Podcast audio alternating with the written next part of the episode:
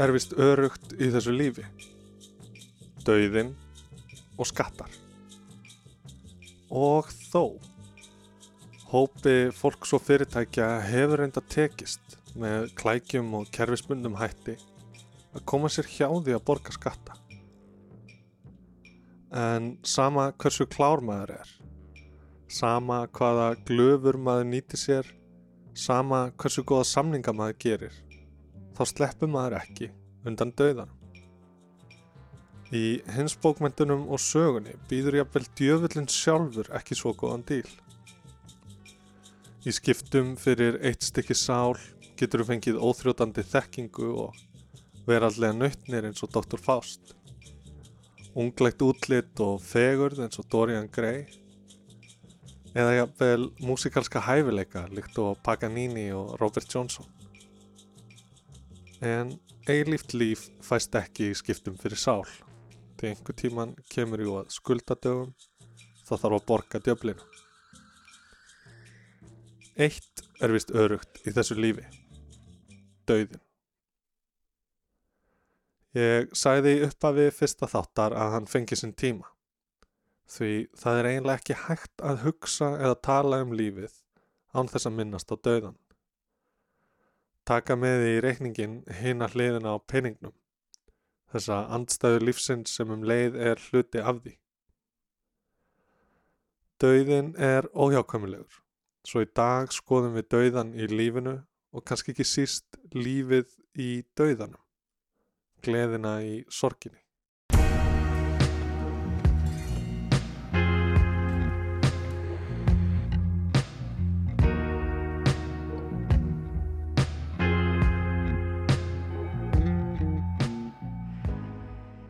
Þíski heimsbyggingurinn Martin Heidegger ráðlaði fólki að dvelja fleiri stundum í kirkjugörðum.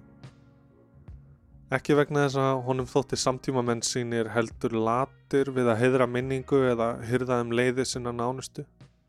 Ég ímda mér að fyrir hundra árum hafi fólk jafnvel verið dugleira við þetta en í dag. En hvað veit ég? Það að dvelja í kirkjugarði er öllu heldur leið til þess að finna betur fyrir dauðan. Vegurinn til lífsins liggur að lokum til dauðans og ætli maður sér að lifa af heilindum er eins gott að hafa hugan við þá staðrind. Vita og finna á eigin skinni að við erum döðlegar verur. Kirkjugarðar eru gjarnan fallegir staðir. Gróður sælar vinjar í steinsteipu eðimörkum eins og einn fræja assistens í Kaupmannahöfn. Kirkjugarðurinn er vinsæl áfangastæður ferðamanna en þar kvíla bæði Hási Andersen og Sören Kirkegård. Í assistens kemur fólk af ymsum ástæðum. Sumir ganga með barnavagna, aðrir skokka jafnvel nokkra kílometra. En ég lefi mér að segja að á heitum sumardögum kemur fólk helst tangað til þess að njóta lífsins með vinum sínum. Borða nesti og fá sér kannski einn öl eða tvo. Og rétt eins og það má gera margt annað í kirkjugörðum en að syrkja og hugsa um dauðan. Þá er hægt að gera ímislegt annað til þess að heidra minningu og minnast hennar látnu en endilega heimsækja leiði þeirra. Ég er með kenningu. Hún er reyndar ekki mín heldur fæ hann að lána það frá Hönnu Arendt sem lærði meðal annars hjá Heidegger og svo tólka ég hana eftir eigin höfði. Legg minn skilning í hana því eins og ég sæði síðast þá flýr maður ekki sjálfan sig. Við komum alltaf með eigin hugmyndir á borðinu. Ímyndið ykkur vef. Kanski eins og kungulórvef eða jafnvel tauganett. Vefurinn samanstendur af ótal punktum sem tengjast með enn fleiri þráðum. Þessi punktar erum við, mannfólkið.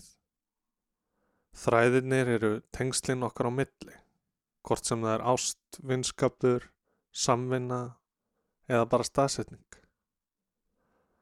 Vefurinn er vefur mannlegs samfélags. Þessi samanlegi heimur sem við lifum og hærumst í. Þegar við aðhöfumst, gerum eitthvað sem aðrir verða varir við, þá ferðast svo gjörð eins og bylgja um þræðina. Sumar gjörðir ferðast skamt. Þegar ég hell upp á kaffibotla fyrir vin, ringi í ömmu. Aðrar výbra sterkar, berast lengra. Þegar ung stúlka skrópar í skólanum og neytar að ferðast með flugvélum til þess að vekja máls á heldur dabulegri framtíð plánutunar okkar og börnum allan heim leika það eftir. Aðtöfnin er bundin stað og tíma en bylgjurnar ekki. Þær geta borist áfram og aðrir tekið undir, veitt þeim lið og, og hjálpa þeim að óma. Svona bergmálar tilvistin, mishátt, mislánt, mislengi og þetta bergmál er eiginlega það raunverulegasta við lífið.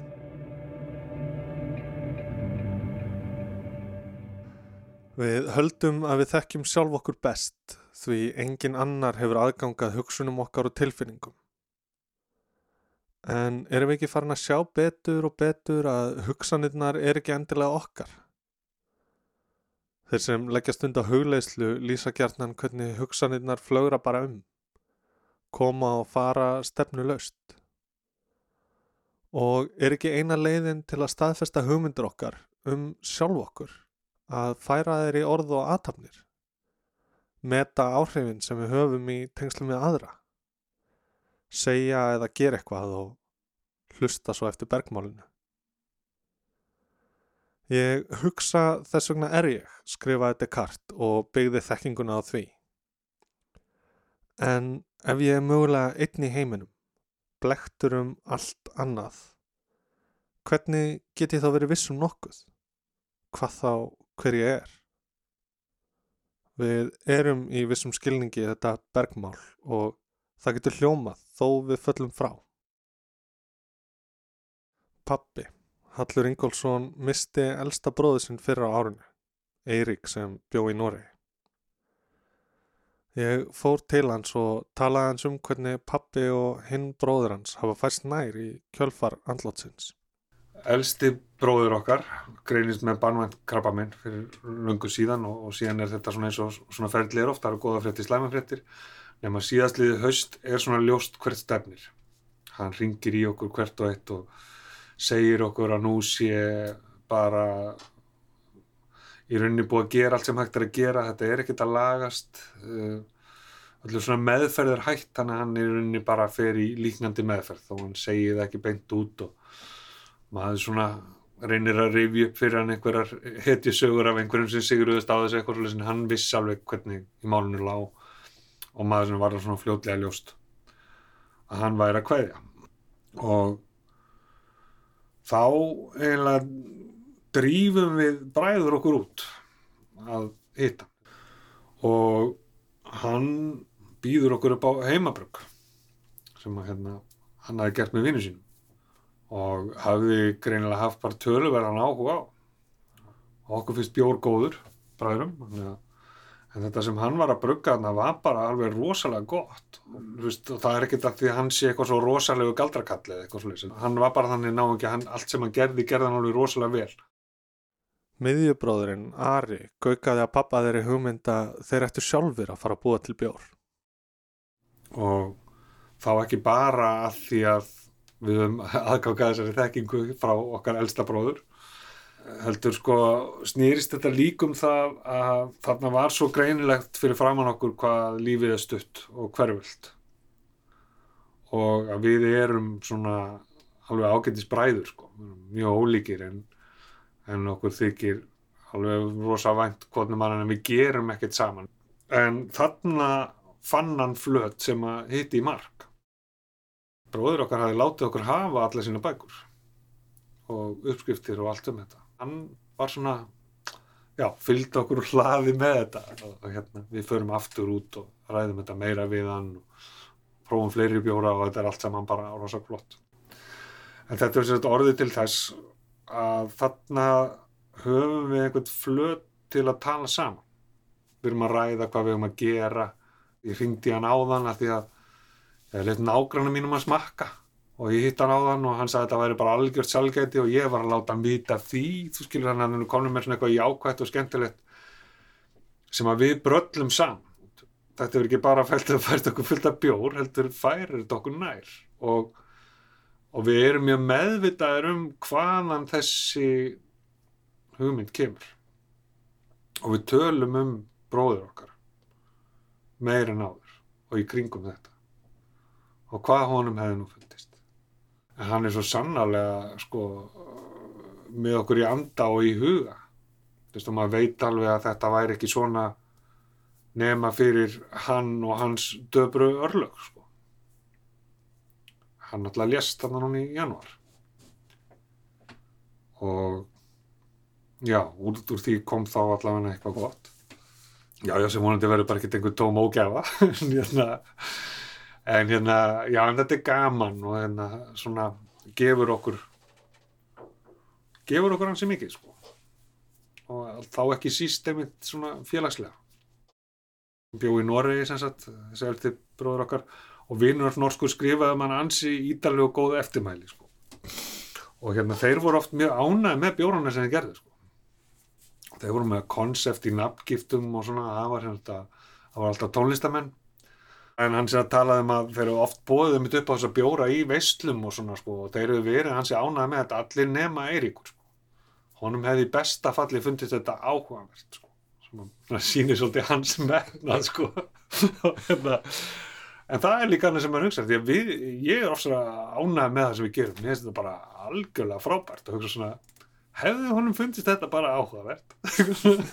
Þannig að hann kemur náttúrulega við á já, mörgum stígum. Þó að einhverju sé haldið áfram er ekki endilega eins og tekið sér við kepli og að hefðin haldist óbreytt og hafi sömu merkingu.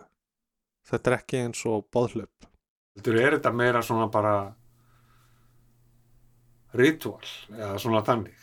Þetta er meira bara svona eitthvað sem við gerum af okkar ástæðum okkur til ánæg og okkur til svona og jú, við erum visslega kannski svona að heiðra minninguna af þessu leiti. Þetta er ofsalega skýr gjöf frá bróður okkar.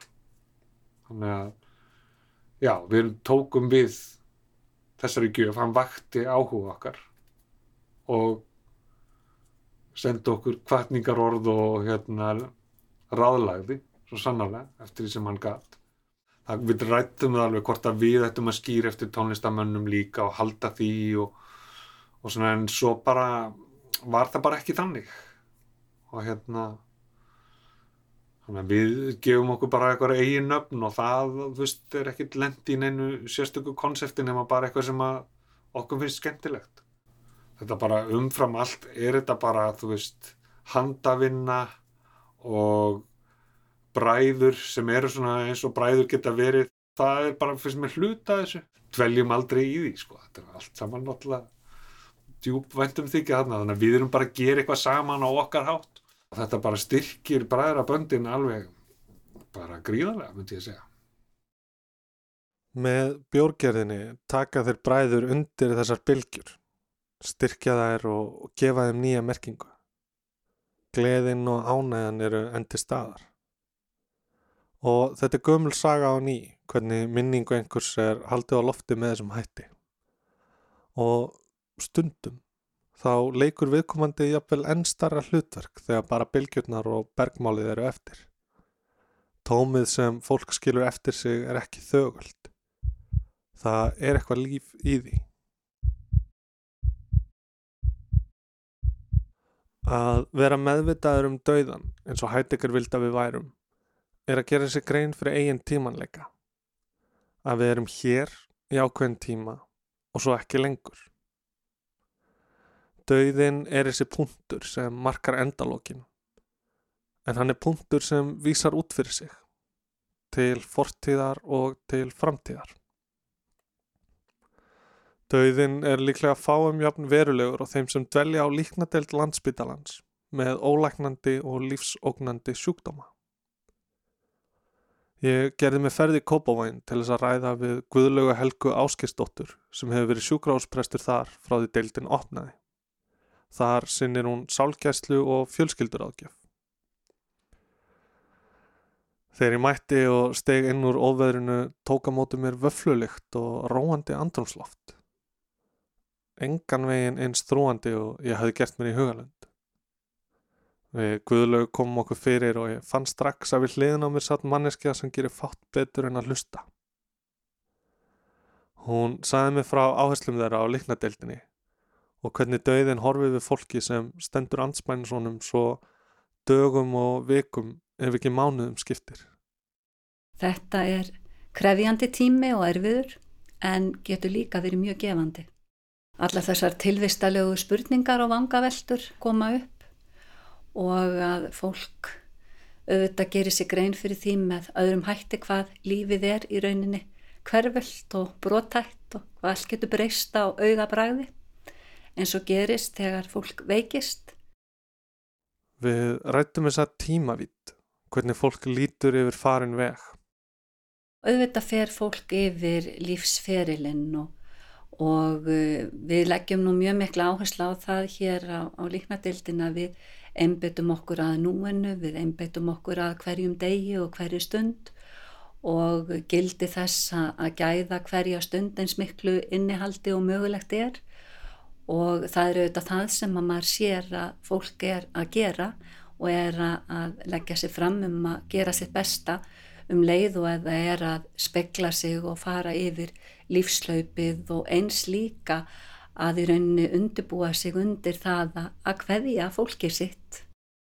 Ég gerði fyrir nokkurum árum einmitt rannsók sem að fjallaði um þetta andlega og trúalega og tilvistalega þætti í lífi fólk sem að þykku líkna meðferð.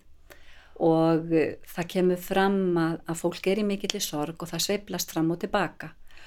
Og það eru þetta sorgin jafnvel yfir því sem að það getur, getur ekki orðið í lífið þess.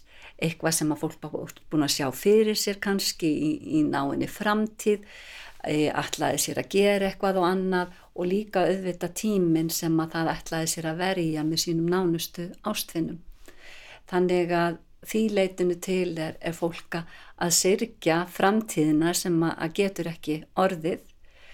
Og síðan lítur það tilbaka og skoða lífsitt og sem betur fer að, að þá finnst mér lang flestir í rauninni líta með þakklæti til liðina daga þó svo að auðvita hafi ímislegt komið upp á hjá fólki í gegnum tíðina eins og bara eðlilegt er og er auðvitað hjá okkur öllum.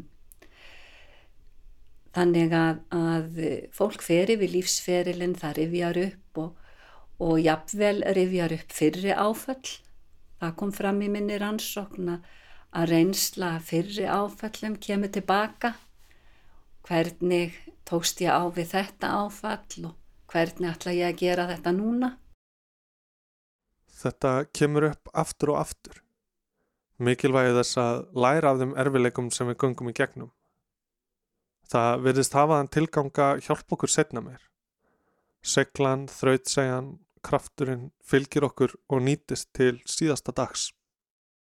En óhjákvæmilega þá er dauðin að nálgast ískikilega og, og fólk stendur anspænist dauðanum og í rauninni horfir á hann að þá er ekki undan því vikist að, að hérna, hugsa um hann. Og það sem að fólk er kannski helst að velta fyrir sér er hvernig þetta andlatsferðli verður og fer oft í gegnum það með okkur. Og það er kannski kvíði gagvart því ekki endilega alltaf kvíði gagvart dauðanum sem slíkum heldur meira hvernig verður þetta ferli þegar mér fer að raka og þegar dauðin fer að nálgast ennfrekar.